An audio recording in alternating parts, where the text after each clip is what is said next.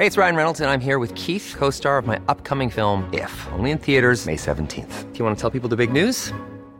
All right, I'll do. Sign up now and you'll get unlimited for $15 a month in six months of Paramount Plus Essential Plan on us. Mintmobile.com slash switch.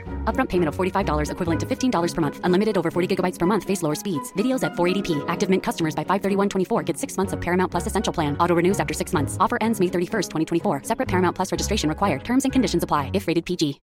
Millions of people have lost weight with personalized plans from Noom, like Evan, who can't stand salads and still lost 50 pounds.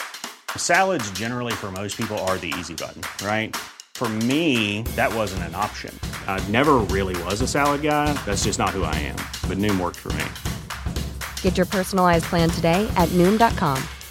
Real Noom user compensated to provide their story. In four weeks, the typical Noom user can expect to lose one to two pounds per week. Individual results may vary.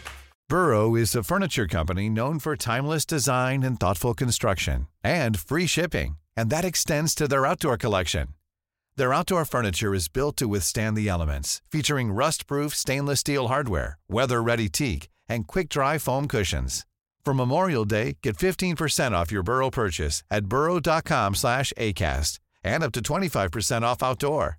That's up to 25% off outdoor furniture at burrow.com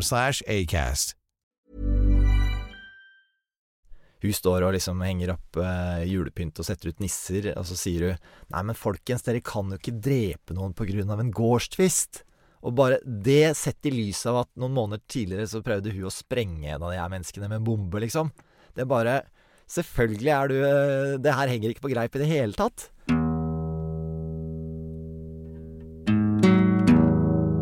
Hjertelig velkommen tilbake til Orderud-mysterier. Per Ordru, skyldig eller uskyldig? Det er et spørsmål som flere har stilt seg og klødd seg i hodet over. For kan denne mannen ha vært såpass kaldblodig at han har planlagt drap på sine foreldre og søstre? Eller på den andre sida, kan han være helt uvitende til det hele? Dette har bl.a. Svarttrost dokk med Sindre Leganger i spissen forsøkt å finne ut av i sin podkastserie på seks episoder, som heter nettopp det, Per Ordru skyldig eller uskyldig. Vi er så heldige å ha Sindre Leganger som gjest i dag, og sammen med Sindre Leganger, Halsen Røstad og meg, Silje Langholm, så skal vi prøve å finne ut av det her spørsmålet. Vi skal også snakke om de rekke funnene han fant i denne podkastserien, da. Da sier vi hjertelig velkommen til Sindre Leganger, og så vil denne episoden være delt opp i to, sånn at dere er klar over det.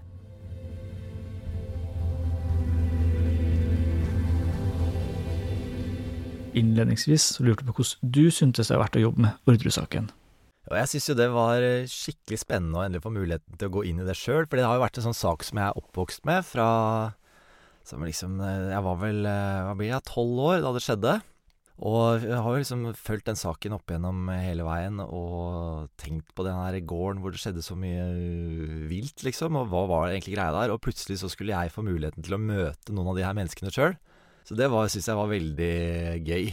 Så er man jo alltid litt sånn usikker på hva det egentlig skal bli da når man går i gang med det. Og inngangen min i det var jo gjennom Tore Sandberg, som jo er privatetterforsker og har jobba med gjenopptakelsesbegjæringen til, til Per og Veronica i mange år. Nå er det kun Per han holder i, da. Og da er det jo liksom Én ting er jo å få møte han, men så viste det seg også at gjennom han så fikk jeg lov til å møte Per. Og det var, må jeg si var liksom Det var, det var veldig spesielt å se en sånn kar som jeg har sett så mye om på TV opp igjennom, liksom. Og så plutselig så skulle jeg stå der og, og møte han face to face. ja, hvordan var liksom opplevelsen av å møte han, og hvordan inntrykk fikk du av han og hans tanker om saken i dag, på en måte? Jeg kan ta liksom hele historien om da vi skulle dra til Orderud. Da. Mm. Fordi eh, da hadde jeg snakka med Tore og makkeren hans Morten, som er liksom ja, Han har vært en slags sånn assistent for Tore i gjenopptakelsesarbeidet hans i mange år. Eh, og da hadde de sagt at eh, for at du skal forstå Orderud-saken, så må du se stedet. Du må bli med ut til gården. Og jeg sa jo bare yes, selvfølgelig, det vil jeg gjerne, liksom. Så, så, setter vi oss i bilen da med Da er det jeg og han Morten. Jeg sitter på med han, eh, kjører utover mot Sørumsand. Og så alltid når man møter folk som er inne i Orderud-saken, så sitter man jo og diskuterer Orderud-saken. ikke sant? Er teorier og hva kan ha skjedd, og alternative motiv, og gårdstvist var egentlig noe gårdstvist, og hva, hvilken eiendom er det snakk om? så, så, vi sitter og gjør det, da, og så nærmer vi oss gården, og så plutselig så ser jeg jo at det står en liten gjeng av folk langs veien. Og en av dem har en mikrofon. Og så kommer vi nærmere, og da ser jeg at det er Øystein Millie og resten av Krimpod-gjengen som står utpå, rett utafor gården der og spiller inn opptak. Og jeg syns jo det var kjempemorsomt. Og bare den tanken på at eh, til enhver tid liksom så henger det journalister rundt jordene til Per. Selv i dag. Ganske vilt. Men eh, jeg syns det var morsomt, fordi jeg, jeg kjenner spesielt han Tore Erling, programlederen i, i Krimpodden. Han kjenner jeg litt fra før, så jeg ville jo gjerne stoppe da og hilse på der. Liksom, vi er ute på tur begge to, så gøy! Men så viste det seg at han Morten, makkeren til Tore Sandberg, han var ikke så glad i i VG, rett og slett, og dekning av deres til Eller av Orderud-saken. Så han ville ikke stoppe. så Så vedte man bare kjøre videre, da. Men så, så kom vi ned liksom en bakke, og så, og så bretter jordene på Orderud gård seg ut på hver side av, av, bilvinduene. Og på høyre side da, så, så, så ser jeg bort på kårboligen, der den ligger fortsatt. ikke sant? Omtrent lik som han var tilbake i 99. Og veldig spesielt å se liksom Der er selve huset, og det var der de her menneskene ble drept. Og hva skjedde egentlig der? Liksom, der er skogen som de har tatt seg gjennom, og, og ja, liksom, Det var der det var. Jeg syns alltid Jeg er sånn Når jeg er på museum, da, så sånn kunstmuseum og sånn, det, er liksom, det er ikke, betyr ikke så mye for meg. Men når jeg er på si et sånt uh, historisk museum hvor jeg kan liksom se på en gammel stein som jeg veit sånn Den holdt en gammel egypter liksom for 5000 år sia. Da føler jeg at jeg er i kontakt med noe. Da, det, er, det, berører meg, liksom. Og det var litt den, den, følelsen jeg fikk da jeg kom ned der og så kårboligen. Og liksom, ok, der var det det skjedde. Og så snudde jeg framover, og så så jeg inn på tunet til, ehm, til selve gården, da, med våningshus og låven og sånt. Og der står det en kar ute på tunet og venter på oss. Og når vi kommer nærmere, så er det jo Per, ikke sant. Så um, da kjører vi inn, da, og, og, det virker jo som eh, Jeg var liksom ikke helt sikker på om vi skulle uh, møte Per, og hvilke, om han syntes det var ok at vi kom, og hvor mye tid han ville bruke med oss. Men uh, da forstår jeg jo at han er jo helt klar for å møte oss, liksom, når han står og tar oss imot. Så vi går ut av bilen, hilser på han og um, snakker med han, da. Og det er jo liksom den stemmen jeg har hørt på alle de her rettsopptakene, ikke sant. Uh, og plutselig så sier han liksom hei og hallo og er Per Ordre. det var veldig spesielt. Og så snakker vi litt da, hva vi skal gjøre, og han uh, vil gjerne vise oss rundt på gården, liksom. Og så tar han oss med rundt og viser oss uh, viktige sakene for, for uh, Ordu-drapene, liksom. Der vådeskuddet gikk av, der kontrakten ble underskrevet. Eller, ja, ikke kontrakten, men skjøtet. Viktig å være presis på de tinga der. og så drar vi også opp i, i skogen ute ved kårboligen, da. Men kårboligen kunne vi ikke gå inn i, for den, den er utleid nå. Ja, stemmer. Mm. Så, um, så, så, vi gikk i hvert fall Vi gikk oppi der, og så ja, kårboligen, og så det der andre huset han har som heter Fjellet, som ligger like ved ja. kårboligen, som er ja. Fikk i hvert fall en rundtur. Har dere vært der, dere, eller og kikka litt? Ja, jeg var der i sommer for første gang, faktisk. Og helt enig at det er en helt annen opplevelse å være der rent fysisk enn å se på TV, f.eks. Du får et helt annet inntrykk av stedet, da. For min del så syns jeg det virka mye mer kupert enn jeg hadde forventa. Du så liksom ikke gården før du nesten var der. Enig. Og det samme med kårboligen. Den var også ganske skjerma fra veien. Ja, samtidig som det jo ligger veldig nært bebyggelsen i Sørumsand. Ja, jeg har også tenkt liksom at vi er langt ute på landsbygda her, og her kan ting skje ganske skjerma og i ro. Men, eh, men, det er jo liksom Det er ikke langt til det lille sentrumet der i det hele tatt. Så, så enig, man får noe, får noe ekstra ut av å faktisk være der, altså. Ja, Men gikk du fra ekornstien, da? Og bortover skogen fram til Orderudveien, eller gikk du bare i skogen bak Korbolien? Ja, jeg ble tatt med Nå vet jeg ikke helt hva Ekornstien er, altså det må dere hjelpe meg med. det er en vei lenger opp, da, i boligfeltet. Og Ekornstien til opplysning er altså en alternativ fluktrute som Øystein Millie fant i gåten Orderud. En fluktrute som politiet ikke hadde lagt særlig vekt på, men det skal sies at det var en observasjon av en kvinne med halvlangt blondt hår den natta da.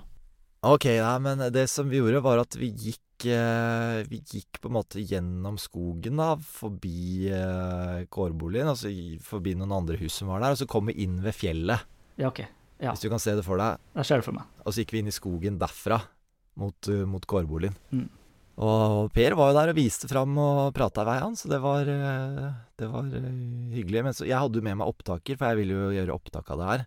Men hver gang jeg, jeg kom med den, da, da, da skygga Per banen. Da. Det var han ikke så interessert i å være på teip. Så og så kan man jo liksom kanskje skjønne det. Jeg tror, sånn jeg forstår Per, så føler han seg liksom Eh, at alt han har sagt i alle år, er blitt vridd og vrengt på av alle. Og at det han, eh, det han sier, det blir liksom alltid tolka i verste mening. Så han er vel kanskje ikke så lysten på å være så mye mer på teip eh, lenger, rett og slett, tror jeg. Nei, det var jo det med avhørene også, at han ikke ville at det skulle gjøres opptak av avhørene hans i sin tid. Fordi da hadde han liksom ikke muligheten til å korrigere uttalelser i ettertid. Så kanskje han var redd for å si noe som kom feil ut, eller noe som ble misforstått. Akkurat nettopp. Det er jo interessant, da, for det kunne jo kanskje Eller det hadde vært veldig interessant å høre nå, hvordan de, de avhørene faktisk var, da. Ja, det hadde Ja. Mm. Men hva var det som gjorde at du fikk interesse for saken, da? Eller hva gjorde at du fikk lyst til å dykke ned i materialet?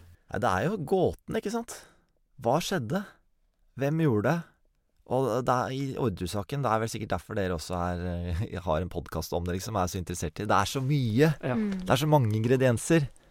Og, og jeg bare sånn eh, Det at det fins opptak av Anne Orderud Paust eh, i det her eh, etter bombeattentatene, hvor du får liksom høre hennes stemme, og 'er du redd?' blir du spurt. 'Nei, jeg er ikke spesielt redd', liksom. Altså at sånne ting fins, det gjør det her Det gjør den saken så ja, rik, da. Nå, nå kjenner jeg liksom Nå snakker jeg om det bare liksom på en måte sånn Jeg tar kanskje ikke helt hensyn til hvor eh, at, at Per mista familien sin i det, men det går ikke an å ikke bli fascinert av den saken fordi eh, spørsmålstegnene er så store. Eh, hva, hva var det egentlig som skjedde? Og det at Per og Veronica har nekta i alle år, og likevel ble dømt til 21 år, liksom. Hvordan er det mulig? Så og det at jeg kunne endelig liksom eh, Jeg har jo hatt helt sånn overflatekunnskap om den saken egentlig eh, hele veien, men, eh, men det at jeg nå kunne få muligheten til å faktisk sette meg litt mer inn i detaljene der, syns jeg var kjempegøy. Og spesielt det her med gjenopptakelsen til Tore Sandberg, som han har jobba med. Fordi den har jeg også hørt om i alle år, men egentlig aldri helt forstått hva greia har vært. Eh, Det var liksom, eh, han, han dukker jo opp av og til på VG liksom med nytt funn, og nå er saken falt, eh, sier han, og så bare Hva er egentlig? Luger, ruger, eh, pistoler og, og hylser og liksom Jeg har aldri helt skjønt det. Så det var, det var liksom inngangen min til den, det prosjektet her, at nå skal jeg faktisk gjøre mitt aller beste for å forstå greia bak, bak funnet til Tore, og, og hva gjenopptakelsesbegjæringen til Per egentlig handler om, og prøve å finne ut om det kan være nok til at den blir gjenopptatt. Mm. Ja, men det syns jeg du har gjort en veldig god jobb med. At det er veldig oppklarende i henhold til hva Tore har samlet av materiale. For som du sier, så har det kommet ganske mange nyheter de siste årene, men det har vært ganske spredt utover, og man har på en måte savna en viss helhet eller oversikt over hva som faktisk finnes av bevis og nytt materiale. Og det har du brakt på banen her, da. Ja, så fint. Og, og det er jo litt sånn med hvordan Tore skriver og arbeider, og at eh, det er veldig massivt. Ja. Det er, eh, det er mye om mangt, liksom. Så det å manøvrere i det sånn eh, helt uh, bare Går inn på VG på telefon på morgenen, liksom, og så skal du inn i details der. Det er ikke lett, altså. Så, Mm. ja. Spesielt det her med Ruger og Luger, da, som man har snakka om i mange år. Det er jo Det, det sleit jeg da jeg skulle prøve å forklare det på en forståelig måte. Det, det syns jeg var tungt, for jeg sleit med å skjønne det sjøl. Ja. Mm. Men vi kan jo gå litt nærmere inn på funnene dine. Da har jo Silje et spørsmål til deg. Ja, det var egentlig, du har jo hatt flere episoder nå, og det er jo masse som har kommet fram, men hva ble det på en måte du mest overraska over å ha funnet ut av? Jeg syns jo det mest interessante eh, funnet liksom som er kommet eh, da, mens jeg jobba med saken, var jo det her DNA-funnet mot eh, Kristin Kirkemo, som plutselig dukka opp på teipen. Fordi eh, i mitt hode så Man legger jo til grunn at hun snakker sant om juleselskapet, ikke sant? Der ljuger hun ikke. Og så plutselig så kan man bevise at eh, om det attentatet, at du ikke var med på det, det er en løgn. Så liksom man har, man har det helt eh, svart på hvitt, liksom, i mitt hode, da, at eh, hun er en løgner i retten. Så da, det gjør I mitt hode da, så tenker jeg at eh, det bidrar jo til å stille store spørsmålstegn ved hennes troverdighet. Og, og Tore har jo vært på den eh, ballen der lenge, ikke sant, og har veldig mange andre grunner til at man også kan stille spørsmålstegn ved historien hennes fra juleselskapet, men, men eh, hos meg så blir, blir det liksom bare en sånn det er, det sånn det veldig kjente sitatet fra Kristin hvor hun sier sånn Dere kan Eller at Per Ja, hvem er det? Per, eh, per De snakker om at de skal ta livet av familien til Per, da. Så sier hun Hun står og liksom henger opp eh, julepynt og setter ut nisser, og så sier hun Nei, men folkens, dere kan jo ikke drepe noen på grunn av en gårdstvist. Og bare det sett i lys av at noen måneder tidligere så prøvde hun å sprenge en av de her menneskene med en bombe, liksom. Mm. Det bare Selvfølgelig er du eh, Det her henger ikke på greip i det hele tatt. Så det, det er jo sånn Kanskje det jeg syns er rarest, at eh, OK, man, man tror på hun i, i ene setningen, og så tror man ikke på hun i neste. Mm. Der tenker jeg at det er liksom Ja, ved det funnet og mye av det som Tore har uh, trekker fram der, det gjør at man kan stille store spørsmålstegn ved hennes troverdighet, da.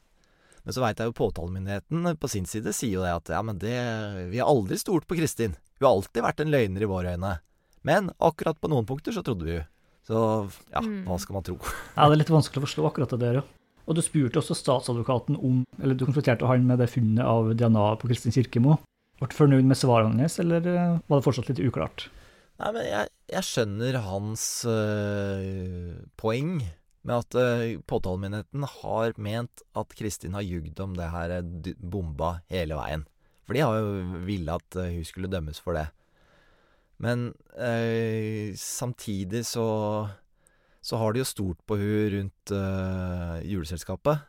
Så det er jo det Han har en litt vanskelig oppgave med det å skulle liksom si at nei, hun ljuger her, men snakker sant der. Ja. Og jeg, jeg føler vel kanskje ikke at øh, Ja, det er, det er litt vanskelig å øh, henge helt med på når hun ljuger, og når hun skal snakke sant, og hvorfor, øh, hvorfor det, liksom.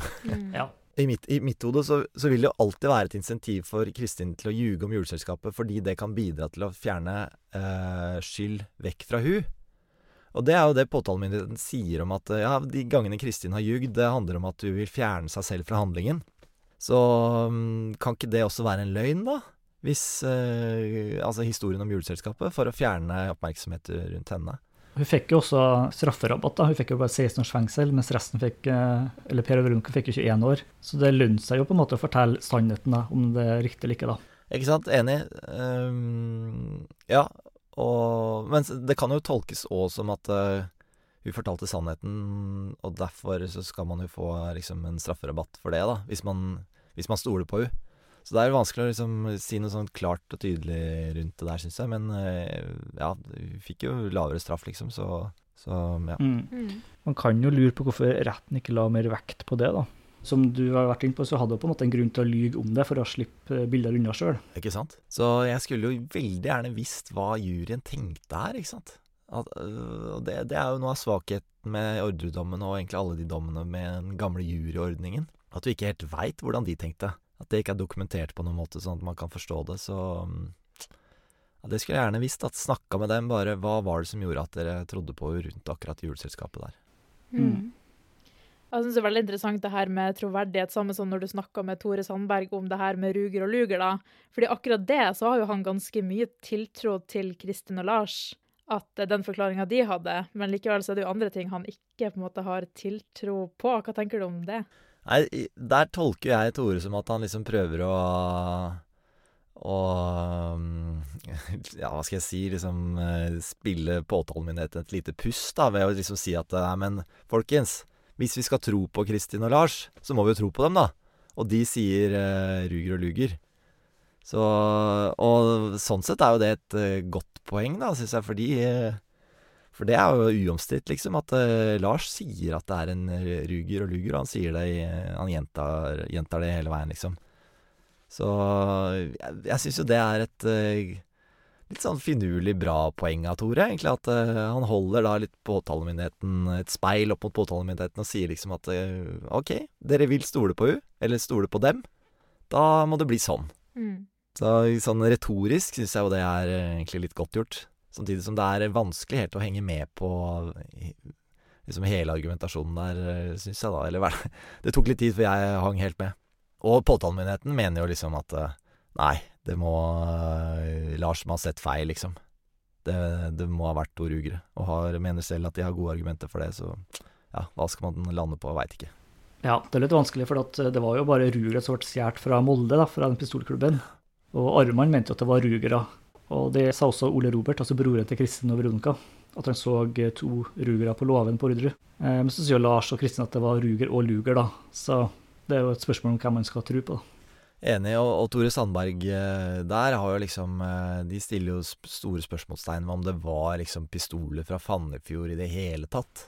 OK, hva er det han mener, da? Nei, det er vel De går vel liksom at uh, ja, Da må jeg prøve å holde det der tunga rett i munnen rundt akkurat det der, da. Men de mener vel å kunne si liksom at uh, det ikke er sikkert at det var en uh, Ruger fra Fannefjord som ble brukt på åstedet. At det kan ha vært en av ti mulige pistoler som, som den her politispesialisten på våpen dro fram da, som mulige våpen som de her kulene fra åstedet ble skutt ut fra. Så de mener vel liksom å kunne Eller å se noen svakheter ved hele den her eh, beviskjeden. At pistoler ble stjålet på pistolklubben i Fannefjord, og så ble eh, solgt til Kristin Kirkemo, som så tok dem med til gården, og så at de ble gitt til Eller at noen brukte dem i kårboligen. De, de stiller spørsmålstegn ved hele den rekka, hva man skal tro. Ja, for det har ikke kommet fram før i media, i hvert fall, at de stiller spørsmålstegn ved hele den hendelsesrekka. Ja, og nå må jeg prøve å si, beskrive det her presist, men jeg tror grunnen for det er at eh, da man analyserer de her kulene innledningsvis, så kommer krimteknikeren, eller våpenspesialisten, opp med ti eh, mulige våpen som de kan være skutt ut fra. Og så går det veldig kort tid fra de ti er liksom skrudd ned til Ruger 22-våpenet som man så liksom gå videre med hele veien. Så er, jeg tror det er i den prosessen der de mener at her, her, tas det noen snarveier. Kan det være at det ikke er en Ruger 22 i det hele tatt, liksom? Men en av de andre ti våpna, eller andre ni våpna, da, som, som, ble spilt opp som kandidater. Mm. Ja, for påtalemyndighetene legger til grunn at det er et av de våpnene fra Fannefjord pistolklubb som er brukt under drapshandlinga. Og da støtter de seg på Leif Øren sine våpenanalyser i retten. Mm -hmm. Men hvis jeg forstår deg riktig nå, så setter Tore spørsmålstegn ved den vurderinga? Ja, sånn jeg forstår uh, gjentakelsesbegjæringen, så, så, mener han at uh, kan man Eller han stiller spørsmål ved det. Kan man si sikkert at uh, det er den her uh, veien våpnene har tatt, fra Fannefjord til uh, kårboligen? Eller kan det være noe annet, liksom? Og der, altså no, Noe av, av, grunnen hvis jeg, Nå må jeg prøve å si det her presist, da. Men noe av grunnen for at påtalemyndigheten mener det der, er jo at man mener å kunne finne noen hylser på pistolklubben i Fannefjord som matcher hylser fra kårboligen. Stemmer. Det, jeg mener å huske at det er det som ligger til grunn for det. Men så er jo de her uh, merkene på hylsene Det er jo også en av uh, tinga som Tore Sandberg har jobba mye med å, å se på om man faktisk kan liksom spore hylser tilbake til, eh, til enkeltvåpen. Ja. Etter merker, på en eller annen måte. Og hvis jeg har forstått liksom våpenteknikeren Tore har fått fram der, så, så, er vel liksom svaret på det at nei, det er veldig vanskelig å spore de her hylsene tilbake til, eh, til enkeltvåpen.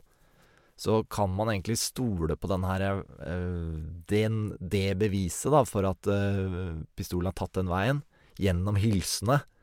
Det, jeg tror Tore vil stille spørsmål ved det også. Men har Tore fått undersøkt det nærmere, da? Han har fått undersøkt det med våpenmagasinet hos Lars Grønnerud, f.eks. Nei, jeg tror ikke han har eh, Eller nå, jeg, nå er jeg på utrygg grunn, for det her veit jeg ikke helt sikkert. Men jeg tror ikke han har hatt tilgang til eh, hylsene fra Fannefjord pistolklubb. Okay. De tror jeg ikke han har. Nei. Men uh, det han har fått gjort, er jo de hylsene fra Kårboligen og Grønnerød-magasinet som han fikk sendt til en våpenlab i, i Texas. Så, og der, uh, der, er det også et sånt interessant punkt uh, fra, som de snakker om i gjenopptakelsesbegjæringa. det er at når han Leif Ørn, han Kripos sin våpenekspert, når han skal sjekke de her hylsene fra Fannefjord, så får han tilsendt veldig mange. Og så eh, undersøker han dem, og så finner han de her relevante merkene da, som de mener liksom matcher kårboligen.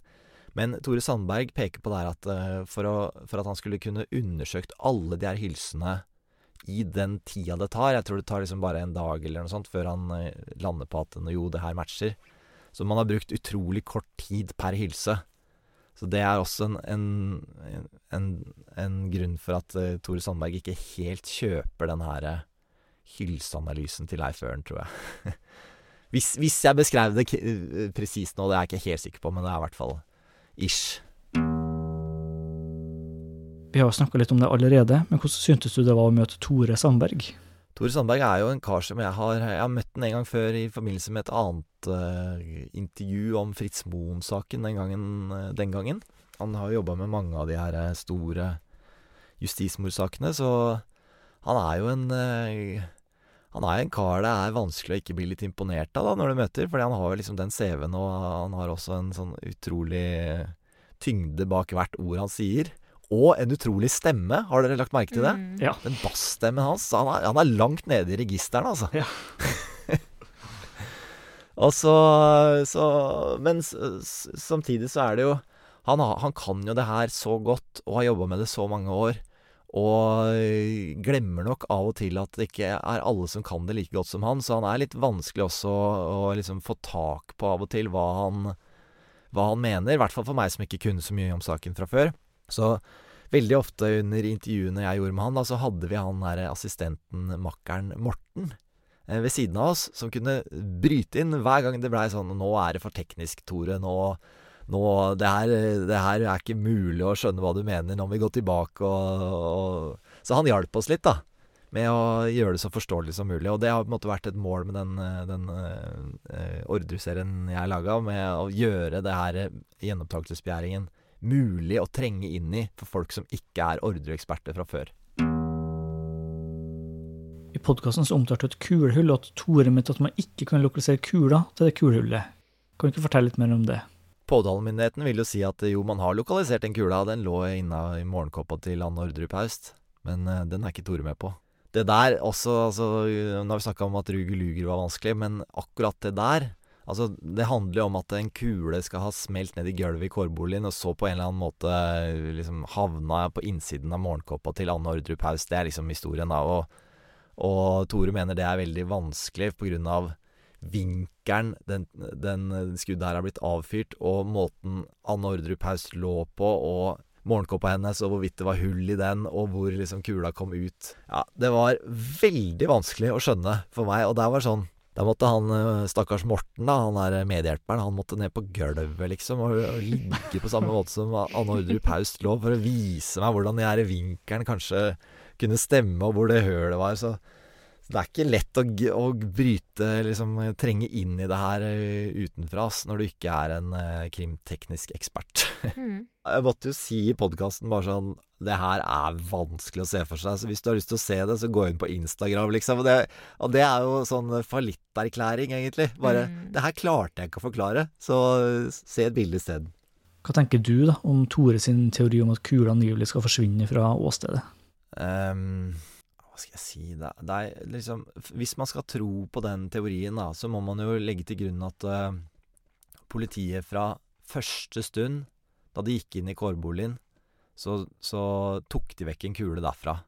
For å kunne plante den et eller annet sted seinere. Fordi den er jo liksom eh, Nei, uh, den åstedsundersøkelsen gjøres jo med en gang. Så da, da lukter det liksom uh, skikkelig conspiracy her. Og det må jo ha vært av en grunn. Så jeg, jeg klarer jo kanskje ikke helt å gripe hvorfor det her skulle skje. Eh, hvorfor man skulle begynne å liksom manipulere bevis fra omtrent fra første sekund. Så, så den sliter jeg litt med å forstå liksom logikken i. Eh, men så syns jeg jo det som Tore trekker fram med den eh, hvordan den her kula skal ha smelt ned i gulvet og laga et svært hakk og likevel aldri forlatt morgenkåpa til Anne, det forstår jeg heller ikke helt hvordan kan ha skjedd. Hvor er det jeg lander? Som alt annet et eller annet sted mm, midt imellom, og bare henda i været, har ikke peiling. Men er det en mulighet for at en kule kunne forsvinne på en naturlig måte ved et uhell? Ja, det kan man jo se for seg. Mm. Kilt seg inn, inn, inn under en eh, list et eller annet Ja. sted, liksom. Eller, Tatt av en støvsuger? eller hva Ja, ja, ikke sant? Eh, nettopp. Absolutt. Muligheten er jo der.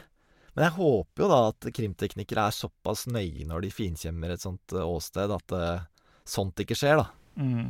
At den liksom har kilt seg fast i, under en fotsåle i en sko eller et eller annet. Altså, at sånne tabber ikke gjøres, det håper jeg jo virkelig, så Men uh, vanskelig å si. Mm.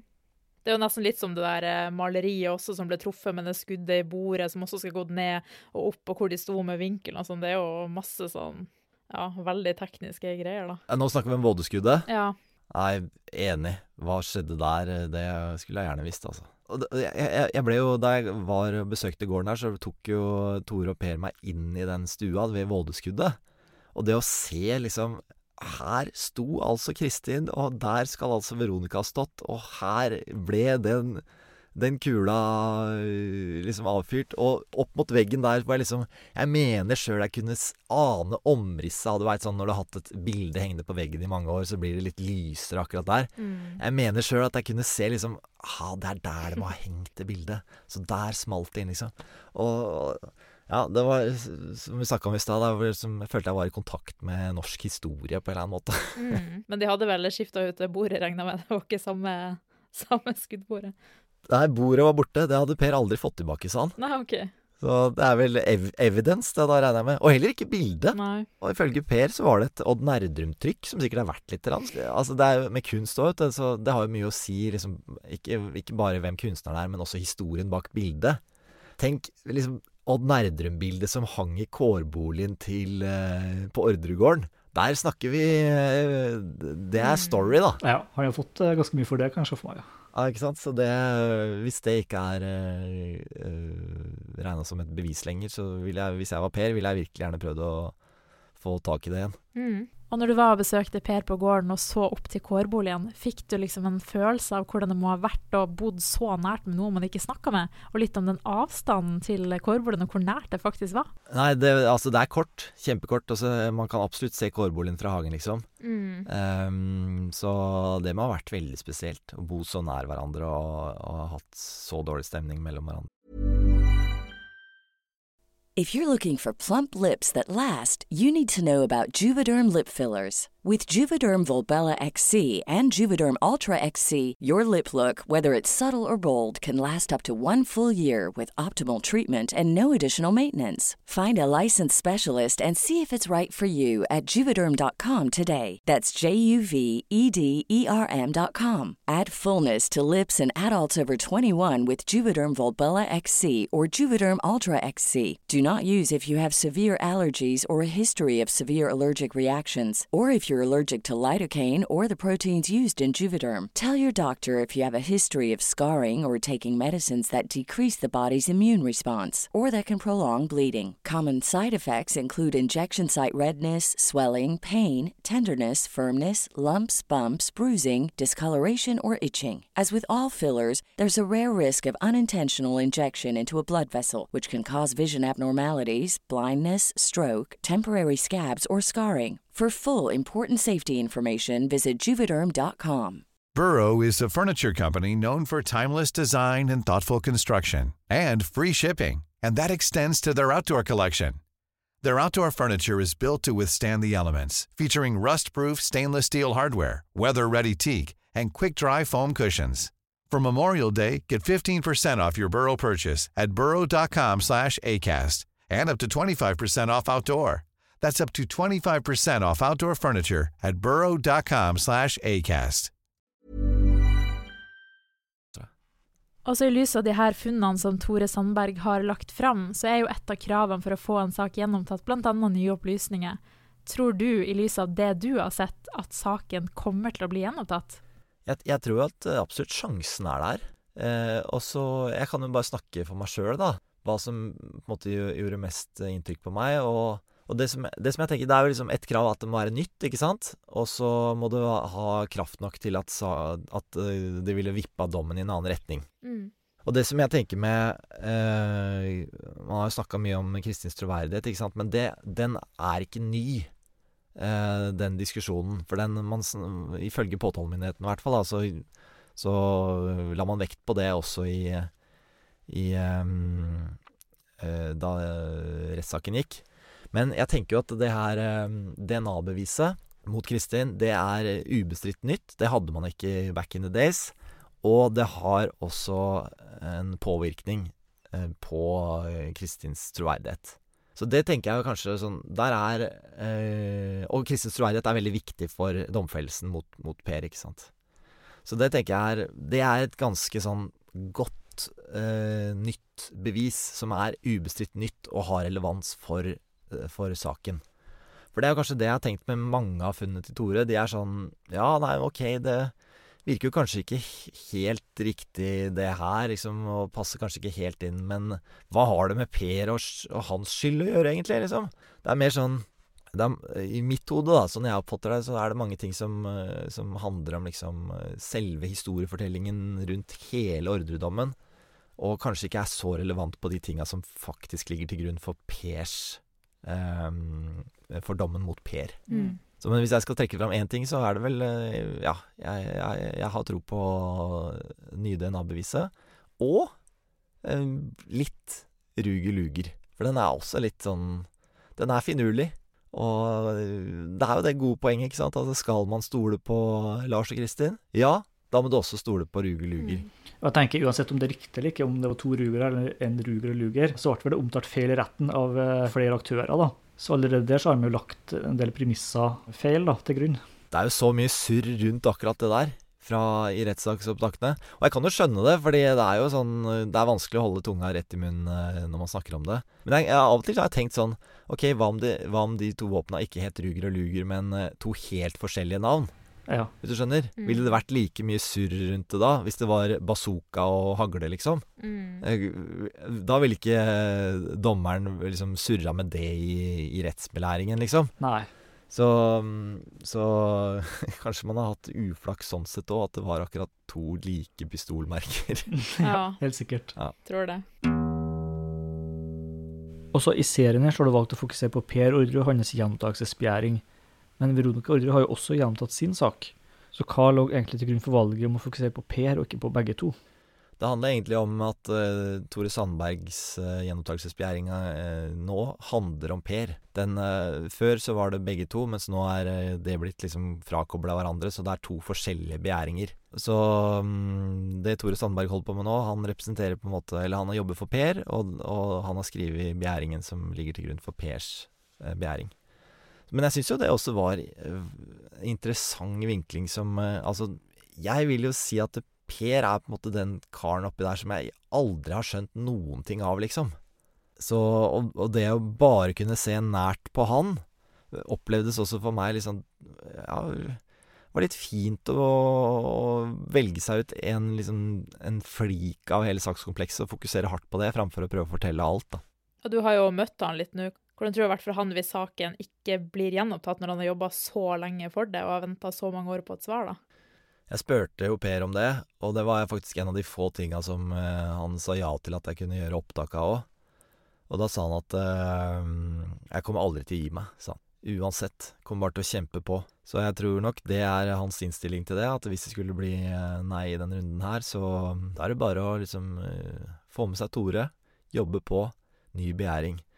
Og det kan jeg jo skjønne òg, fordi vi har jo hatt de her sakene i norsk rettsvesen i det siste hvor eh, liksom ta Baneheia, da, som ble begjært gjenåpna mange ganger, og så klarte man det til slutt. Det gir jo håp, da, selv om man skulle få nei for, for folk som Per Orderud. Ja, og Baneheia-saken er jo i dag stadfesta å være et justismord. Men det tok jo ekstremt mange runder før man forsto det. Og til og med i siste runden så var det jo to som stemte imot. Ja. Det syns jeg er ganske utrolig, da. Enig, og det kan jeg jo være Eller det er jeg veldig spent på med be, eller behandling av gjenoppdagelsen til, til Per.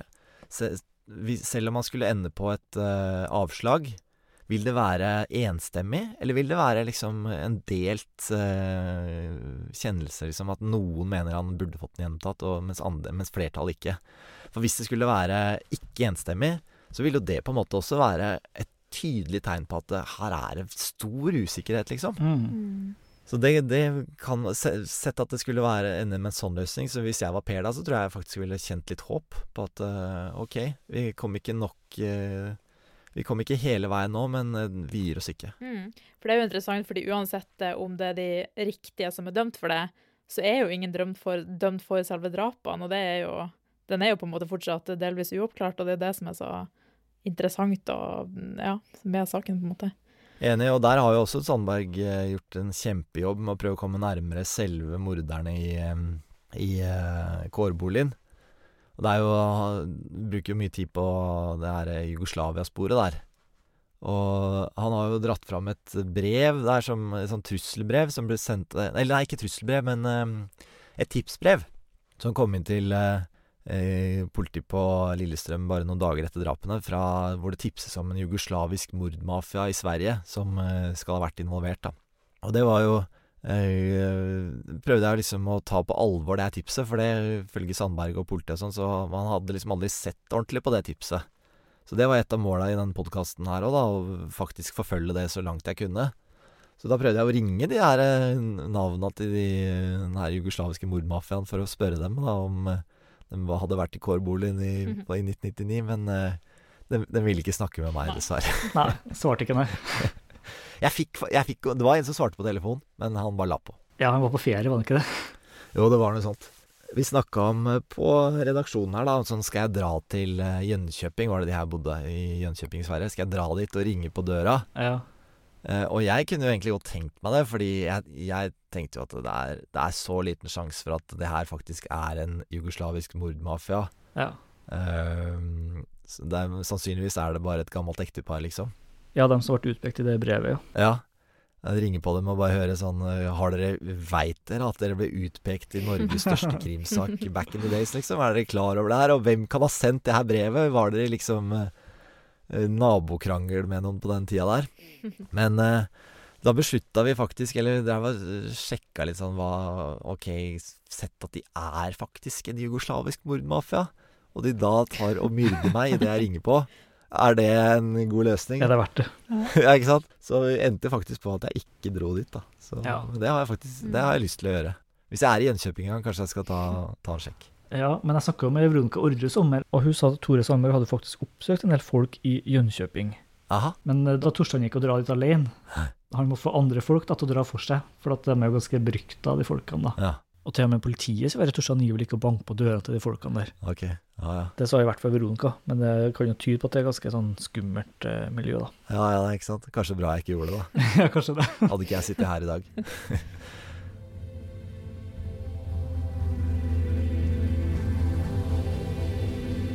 I del to så skal vi gå gjennom gårdstvisten. Her kommer vi også til å høre nye detaljer om et familiemedlem av Per Paust, som angivelig skal ha plaga Per Orderud.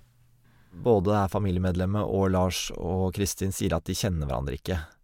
Og så kommer jo han her slektningen av dem da og sier at jo, det var jo møttes og triksa til og med med gunneren til Lars, liksom. Veldig rart.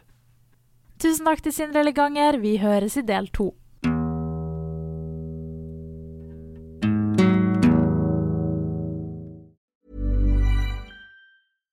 Hey, it's Paige DeSorbo from Giggly Squad. High quality fashion without the price tag. Say hello to Quince. I'm snagging high-end essentials like cozy cashmere sweaters, sleek leather jackets, fine jewelry, and so much more. With Quince being 50 to 80% less than similar brands. And they partner with factories that prioritize safe, ethical, and responsible manufacturing. I love that. Luxury quality within reach. Go to quince.com slash style to get free shipping and 365 day returns on your next order. Quince.com slash style.